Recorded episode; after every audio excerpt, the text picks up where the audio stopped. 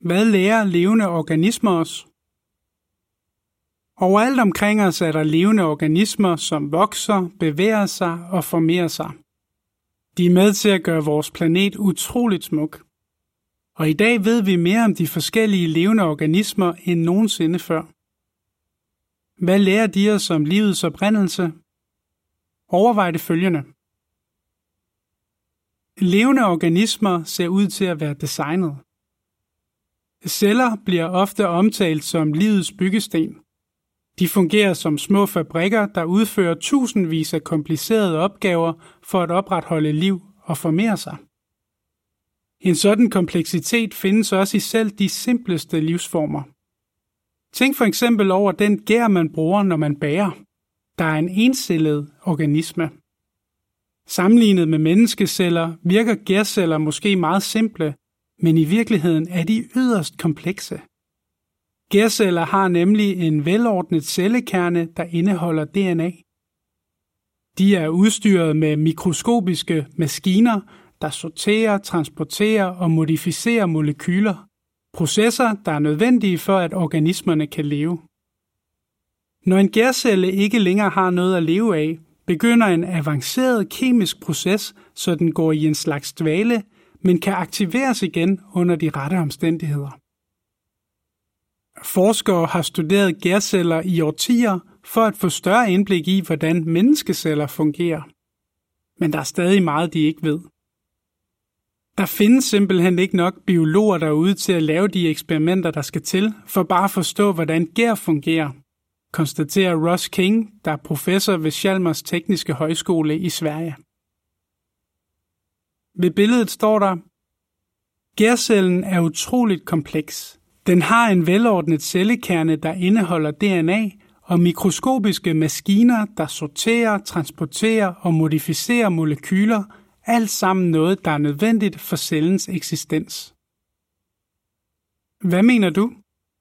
Er den enkelte gærcelles ufattelige kompleksitet et udtryk for genialt design? Kunne sådan et design blive til uden en designer? Liv kan ikke opstå uden liv. DNA består af molekyler, der bliver kaldt nukleotider. Der er 3,2 milliarder nukleotider i hver eneste menneskecelle. Nukleotidernes kemiske forbindelser danner et præcist mønster, så cellen kan producere enzymer og proteiner. Sandsynligheden for, at selv den simpleste streng af nukleotider af sig selv danner det rigtige mønster, er beregnet til at være 1-10 i 150. potens. Et ettal efterfulgt af 150 nuller. At det skulle ske er så usandsynligt, at det i realiteten er umuligt. Faktum er, at intet videnskabeligt eksperiment har bevist, at liv kan opstå spontant ud af noget livløst. Mennesker er noget helt særligt. Vi mennesker har nogle egenskaber, der sætter os i stand til virkelig at nyde livet, og på måder, som ingen andre arter kan. Vi har mulighed for at være kreative, vi har sociale evner, og vi har følelser.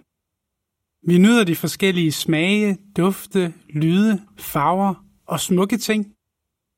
Vi lægger planer for fremtiden og søger efter meningen med livet. Hvad mener du? Har de egenskaber udviklet sig i os, fordi de er nødvendige for, at vi kan overleve og formere os? Eller kunne de være et tegn på, at livet er en gave fra en kærlig skaber?